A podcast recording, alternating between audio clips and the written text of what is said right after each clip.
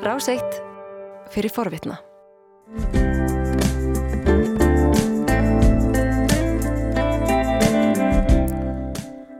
Sæl og ný þeir að hlusta á morgunvaktin á Rás 1. Það er 50 dagur í dag, 16. februar, klukkan réttliðilega hálf átta. Umsjónamenn þáttanist þennan morgunin Björn Þór Sigbjörnsson og Gíja Holmgerstóttir. Nú er klukkan já réttliðilega hálf átta og Bói Ágússon komin í hljóðstofu nr. 6 í útafhúsinu við eftirleiti sestu við heimsklukkan. Góðan dag Bói. Góðan dag. Við ætlum að tala um uh, Nikolu Sturgeon hér rétt á eftir. Hún tilkynnti í ger óvendum uh, starfslokk í stjórnmálunum í Skotlandi og Breitlandi. Hún ætlar að sitja áfram og þingi samt. Ymmitt. En hún hættir sem liðtögi. Akkurat. Mm. Og fyrstir ráð þeirra. Já. Meira en það á eftir, uh, fyrir líka aðeins til Indlands. Já. En byrjum á Arne Treholt uh, sem að uh, lest fyrir fáinum dögum. Uh, Arne Treholt var normaður, hann var dæmdur fyrir njóstnir í þáu sovjetmanna og Írak á sínum tíma. Já. Og þú hittir Arne Treholt. Já. Uh, eftir hann var dæmdur í 20 ára fangilsi þá hóf hann afplánun í Íla landsfengsel sem er skamt fyrir vestan Óslo og uh, það skritna var að það var, var, var ekkit vandamál að fá að tala við hann. Var þá búin meðal annars að gefa út fyrstu bók sín af þremur sem hann gaf út í fangilsi. Þessi heitir Alene og uh, velskrifu bók og uh, það sem hann svona fyrir við málinn frá sínum sjónarhóli. Arne Treholt var áttræðu þegar hann dó núna á sundaginn, fættur 42 og hann er handtekinn í áspyrjun 1984 þegar hann er á leið til útlanda. Og var þá leiðin til Vínar uh, til fundar við uh, sovjaskan uh, KGB-hersöðingja sem hann hafði verið í, í sambandi við og gefið upplýsingar og, og þegið pening fyrir um, Kari Stúrekri sem að var eiginkona hans, hún skrifaði sína eigin bók um þetta sem að hétt goða ferð til Parísar því að hann hafði skrökvað eða hann væri að fara til Parísar Já. og um, hún skildi svo við hann og um, hann giftist aftur konu sem hann hitti í fangelsinu og þá þegar hún dó þegar hann var búin að sitja inn í sko eitthvað á 7-8 ár að þá var hann náðaður en hann fekk ekki sakar uppgjöf dómurinn yfir honum stóð þó að hann reyndi margóft eða reyndi ofta að fá mál sitt tekið upp aftur. Sko það er ekki það er ekki nokkuð spurning um það að hann afhendi e, sovjetmönnum og írökkum uh, upplýsingar en hversu mikilvægar þessar upplýsingar voru hvort hann var í rauninni að láta vita af einhverjum ríkisleindamálu með einhverju sem að ógnaði öryggi Noregs, það er meiri vafi, Já. en hins vegar er það algjörlega ljóst að hann brást trúnaði í, að sérstaklega þess mann sem hafði svona leittan áfram í pólitík, hann var sko ungstjarnar innan verkaman, norska verkamannarflokksins og Og vann í utanriksræðundinu þegar. Jú, meðal annars og það var nú þegar ég setti þetta á Facebook í gær að, að hérna ég ætlaði að þess að fjalla um hann og þá, þá hérna fekk ég e, ábætinga um það. Hann hefði komið til Íslands hér sem hluti af varnamálaskólanum annar helt hann hefði kannski hugsanlega haft eitthvað uh, verið eitthvað involverður í það að uh, viðlagasjóshús komið til Íslands eftir gósið í Vestmannum en hann var sem sagt innan stjórnkerfisins mjög upprinnandi stjarnar í politíkinni og sérlega náinn aðstofamaður Jens Evensens sem var hafréttar á þeirra og þetta er á þeim tímum sem er verið að fjalla mjög mikið um hafréttamál og hafréttar rastefn og saminuð þjóðana sko. hann, hann er innstu koppur í búri og hann hafi verið spáð mjög góðu gengi í pólitík eh, innan norska verkamannarflokksins þannig að eh, þetta kom öllum gríðarlega á óvart að þessi maður skildi hafa verið eh, í þessum tengslum við uh, sovjetmenn. Það má ekki gleyma því á hvaða tímum þetta er. Uh, þetta er í miðjukaldastriðinu, þetta er á, á nýjunda áratug síðust aldar, það voru mjög harðar deilur á milli austus og vestus sérstaklega út af meðaldrægum eðlflugum sem að var mjög barist gegn að er komið upp NATO-megin sem voru síðan svar við, við flugum sem að minnir að hafa verið kallað SS-20 sem að sovjetmenn hafðu komið upp. Mikil mótmæli mjög víða á vesturlöndum gegn þessu og svona sambúð eh, östus og vestus var mjög erfið á þessum tíma. Það mór sem segja sko að leðtófundurinn í Reykjavík 1986 hafi verið stór partur í því að stórveldin á þeim tíma fóru aftur að tala saman og síðan leiti það eitt af öðru til þess að, að þau undirrituðu samninga um takmarkun uh, kjartnorskuvopna og uh, þannig en akkurat þegar hann er trefaldi tekinn að þá er þá er mjög mikil spenna í loftinu. og þetta er, er sko þú veist maður munna sko þú veist þetta er Uh, rétt eftir að, að, að, að sko sovjísku kallbátu strandar við, við, hérna, við strönd Svíþjóðar kallað Whisky on the Rocks þetta var gamalt kallbátur og gerð sem að NATO kallaði Whisky klass og, og, og þeir kallaði Whisky on the Rocks og, og það svíjarni voru yðurlega að leita kallbátum þeir þóttust heyra hljóð í skerregarunum og þannig að það, það, það er svona, ég segi ekki hysteria í loftinu en það er mjög mikil spenna í loftinu þannig. Já, hann var handekið 1984, ég var uh, 12 ára þá líklega uh, ég, ég, sko þetta var í öllum frettatímum, fleiri, fleiri, fleiri vikur, það setjum var... mjög fast í höðun á mér nafnið Arne Trevor. Já, ég, ég skil það og það er fjárna og hans er satt, en, síðan hefur komið í ljós að það var eitt og annað í rannsókmálsins eitt og annað í, í hérna í dómsrannsókninu þar segja já, aðfæðum dómstóluna sem að svona hefði mótt betur fara. Já. Eh, en sko það er ekki spurning um það að hann afhendi upplýsingar. En sko voru þetta upplýsingar aðrar heldur bara nánast það sem að menn gáttu að lesa í lögum?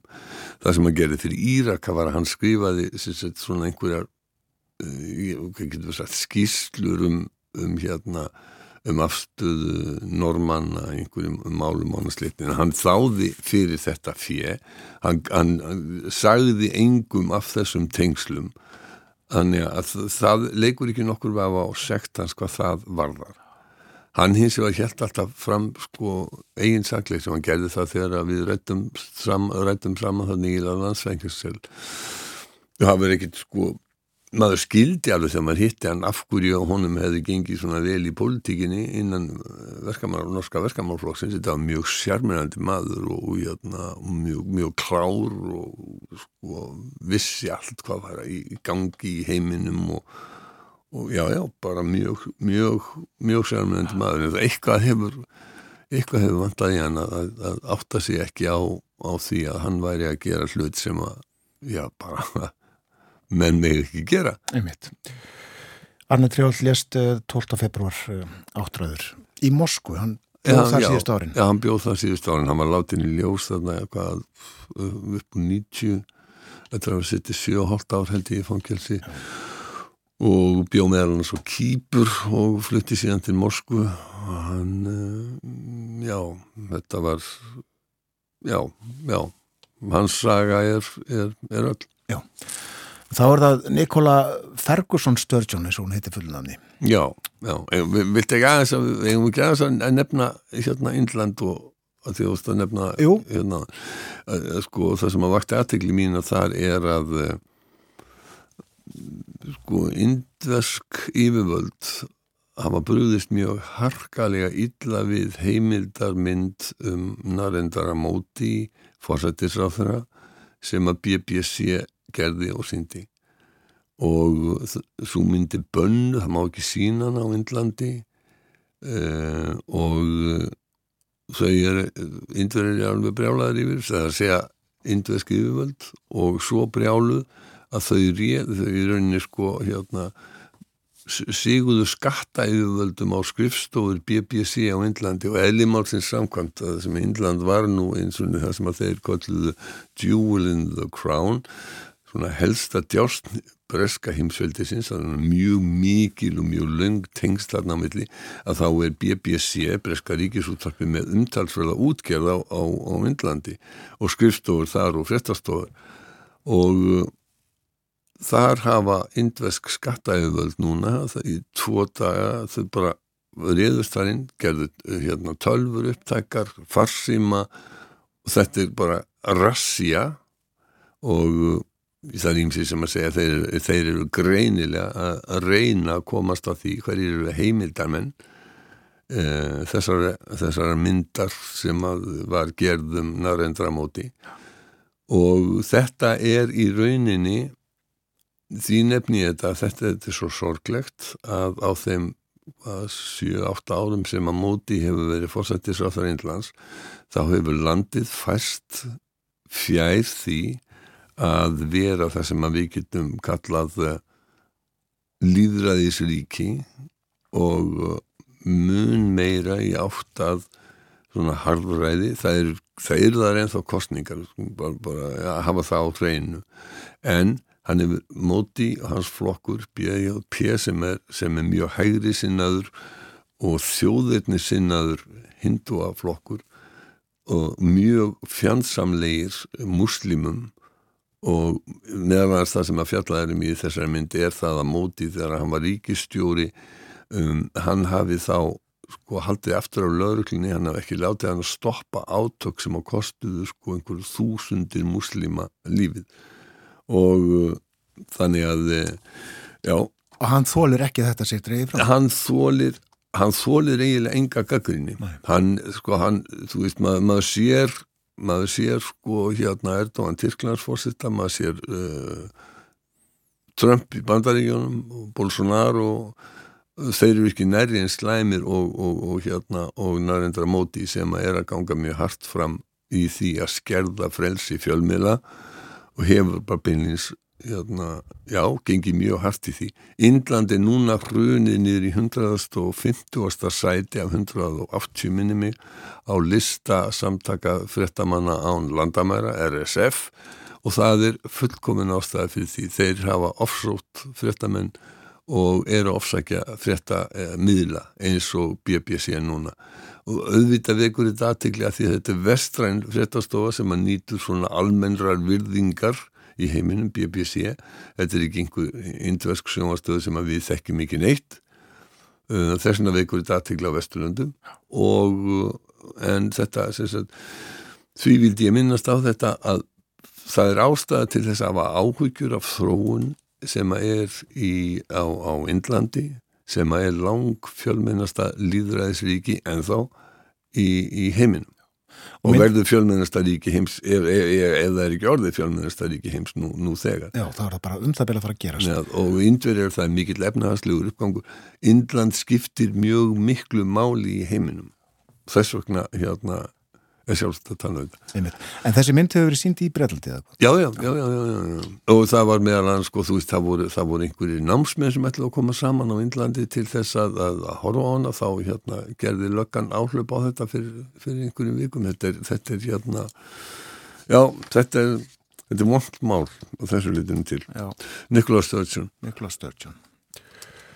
Hún já, uh, tilkynnti í gerð óvænt að hún ætlar að uh, hætta sem uh, það sem heitir fyrstir áþöraskóllars það, það er ekki þessi fyrsti og annar og þriði hún er svona eiginlegur fósættisáþra fer með þau völd sem að, já, já, landið hefur. Já, já, þetta er svona til aðgreininga frá því að vera prime minister mm.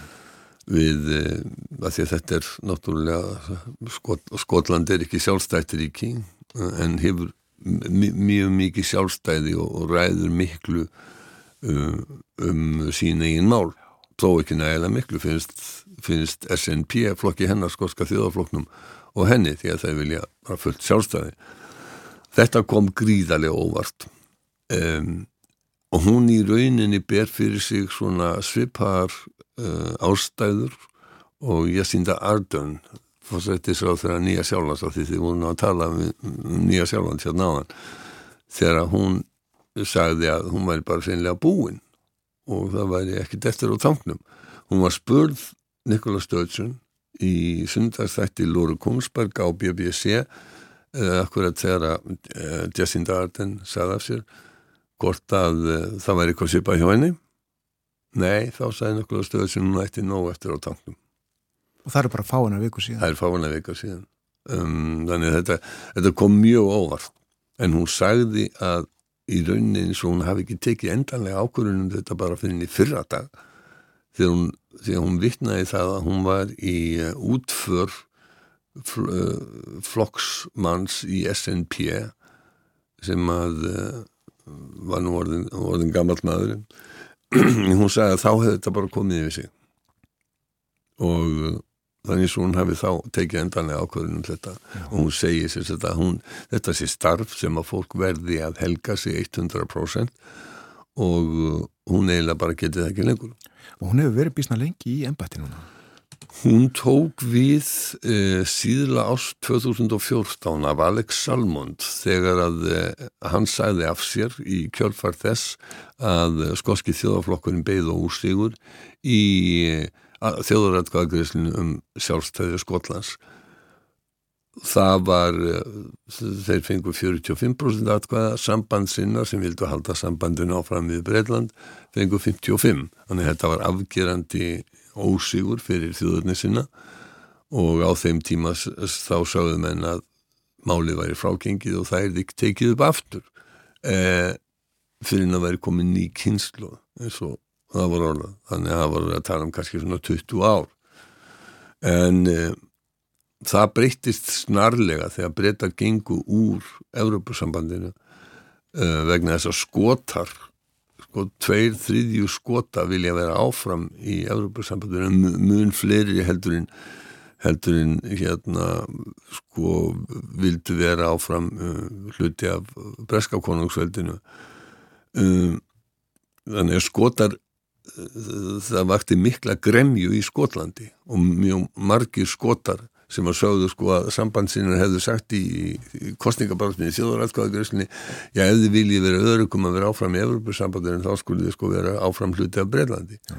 og svo gerist það sko að, að, þeir fara út tveimur honum setna eða kjó ákveða það tveimur honum setna og það tekir lengri tíma að frinda því í framkvæmt og uh, þetta segja sko að það sé forsendu brestur og eða það er að segja sjálfstæði sinna skotar og því vilja þeir taka málið upp aftur. En það gengur hvorkin í reykur vegna þess að breska stjórnarskráin sem er nú reynar ekki skrifuð uh, og samkvæmt henni að þá verður stjórnin í Vestminster, stjórnin í Lundunum að leggja blessun sína yfir nýja þjóðaratkvæðgreyslu og Nikola Sturgeon hún þegar breska stjórnin neytaði hérna einaferðin en þá hafði hún sagt að hún ætlaði að gera næstu þingkostningar að svona de facto þjóðarættkvæðagreyslu um sjálfstæði. Það væri máli sem hún ætlaði að byggja skota um að kjósa um þannig að ef að þannig að um, skorski þjóðaflokkurinn og, og þeir flokka sem að vilja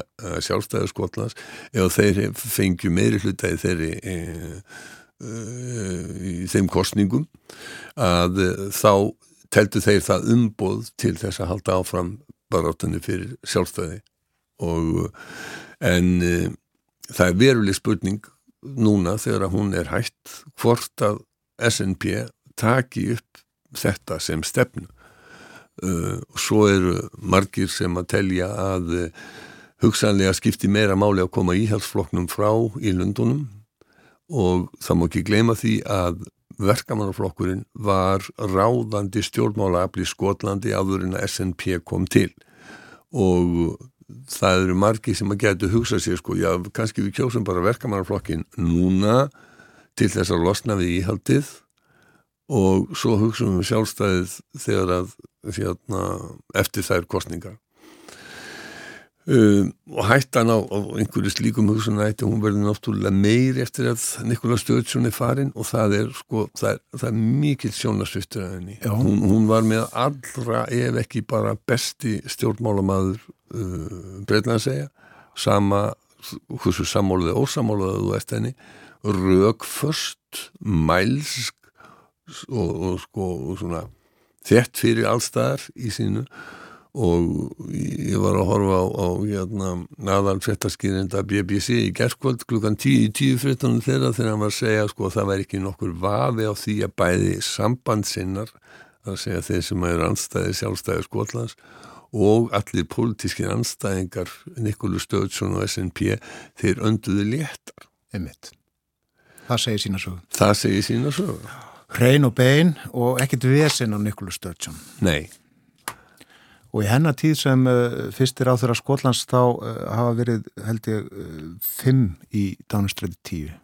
Já og, og sko, hún er búin að vera fyrstir á þeirra Skotlands lengur heldur en bæði e, fósættisráð þeirra og leituði stjórnarnarstöðunar í Breitlandi að hafa settið á þingi. Já, þannig bara það. Og sjálf verður búin að setja á þingi frá því á síðustu öld. Það hefur verið styrt millir hennar. Samt er hún ekki nema 50 Nei, glemum því ekki. En, og það hefur verið styrt millir hennar og Súnaks. Nei, það ekki, jú, jú, sko, fyrstir á þeirra Skotlands og fósættis á þeirra Breitlands eru ekki vinir. Það er bara svona eðli málsir samkvæmt meðan að sá í Edinborg er, er, er í SNP og sá í, sá í Lundunum er, er í hjálpsmaður. Sko, og þeir töluðum lengi um sko, að Boris Johnson væri besti sko, hérna, bandamaður SNP í Skotlandi vegna þess að skotar þyldan ekki. Já. Súnak hefur farið aðeins og öðruvísi aðeins og hann, og hann líst í svona, þú veist, hann óskaði henni allsins besta og, og talaði um sko mikilvægi hennar í, í politík. Hver tekur við það? Í, það er góð spurning. Þegar hún tók við 2014 af Alex Salmond, þá var ekki nokkur spurningu um það hver tæki við vegna þess að hún var augljós ártækjans. Núna um, er það meiri spurning. Það hafa ymsir verið nefndir til og um, ég var nú að heyra hérna svo John Curtis sem er professor við Strathclyde og helst í stjórnmála skýrandi eh, svona stjórnmálafræðingu breyta, hann er svona Óli Harvar eh, breyta hann var að, að, hérna, að tala um þetta og benda á að það væri engin augljós eh, eftir maður en og síðan væri spurning ætlaði að fara í kynsluðaskipti eða eða ekki. Sko, þeir sem að hafa verið nefndir eru Angus Robertson sem er eins og breyta að segja Bookies favorite, þeir veðmóla bankar, þeir telja hann líklegastan. Hann hefur nú margóft komið til Íslands og við Karl Sigtriksson rættum við hann þegar við gerðum, vorum að fjafla um þjóðarkvæðgjöðsuna þarna úti. Um, hann er sem sagt af svona eld, eldri kynnslóð uh, sömuleiðis er John Swinney sem að er svona vara leiðtói SNP, hann er líka svona af, af eldri kynnslóð en svo eru nefnd af yngri kynnslóðum eru nefndur Keith Brown sem er dónsmálur á þeirra Skotlands og uh, Humsa Youssef sem er heilbriðis á þeirra Skotlands og svo ekki síst Kate, Kate Forbes sem er fjármálur á þeirra einhverju hluta vegna þá fannst breytum það hérna eitthvað tiltökumál og hún væri í fæðingarólu og kemi þessin ekki til greina. Því líkur hugsunarháttur. Ég setju upp punktin í dag. Eða ekki bara? Ég held að Takk, takk Þú varst að hlusta á hlaðvarpsþátt frá Rás 1 Ef þið langar til að heyra meira farðu þá á rúf.is skástrygg hlaðvarp eða spilaran á rúf.is skástrygg útvarp. Rás 1 fyrir forvitna. Música